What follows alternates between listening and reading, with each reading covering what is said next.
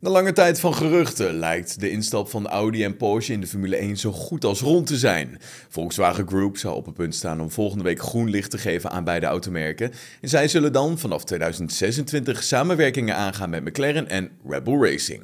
In 2026 gaan de motorreglementen drastisch op de schop en dat moment vormt voor de Duitse autogigant een ideaal moment om in te stappen. Gisteren kwamen er verschillende verhalen naar buiten dat de geruchten tot een eind lijken te komen en dat Volkswagen Group volgende week een beslissing wil nemen met groen licht als gevolg. Het eerste team dat in ieder geval moet gaan profiteren van de beslissing is McLaren. CEO Zack Brown sprak al eerder dit jaar over een mogelijke samenwerking en laat weten dat er gesprekken gevoerd zijn met de Duitsers. Bronnen melden dat Audi in het geval van groen licht vanuit Volkswagen als motorleverancier een bedrag van 500 miljoen euro wil besteden aan McLaren.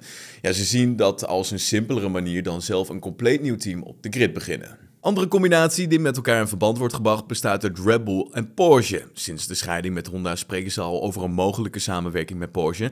En inmiddels staat het Red Bull Powertrains project op het punt van afronden. En dat is natuurlijk een extra verleidelijk moment om in te stappen. Je hoeft dan niet vanaf de grond af aan begonnen te worden. En dat is natuurlijk aantrekkelijk. Volkswagen en Red Bull hebben de handen al vaker ineengeslagen in andere raceklassen zoals het World Rally Championship.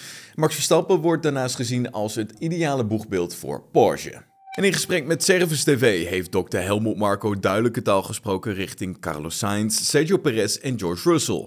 Volgens hem zijn namelijk alle drie de rijders de nummer 2 bij hun huidige team. Helaas is Sainz niet wat we van hem verwacht hadden nadat hij Leclerc vorig jaar versloeg. Leclerc is in zijn beste vorm en dat betekent dat we geen ondersteuning hoeven te verwachten. Het is een beetje zoals bij ons, een duidelijke nummer 1 coureur. Ook Russell, die het seizoen toch aanzienlijk beter begon dan Hamilton, kan Marco nog niet overtuigen. Russell presteert solide tot dusver, maar het is nog niet zo dat hij op het niveau van Hamilton kan rijden. Aldus Helmut Marco.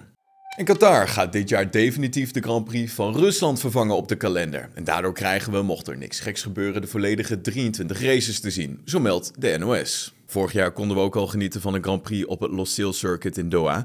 Door het WK voetbal in Qatar was het niet mogelijk om dit jaar nog een Grand Prix daar te verrijden, maar eind september moet volgens de organisatie wel lukken. Vanaf volgend jaar gaat er 10-jarige deal in met de FOM in Qatar.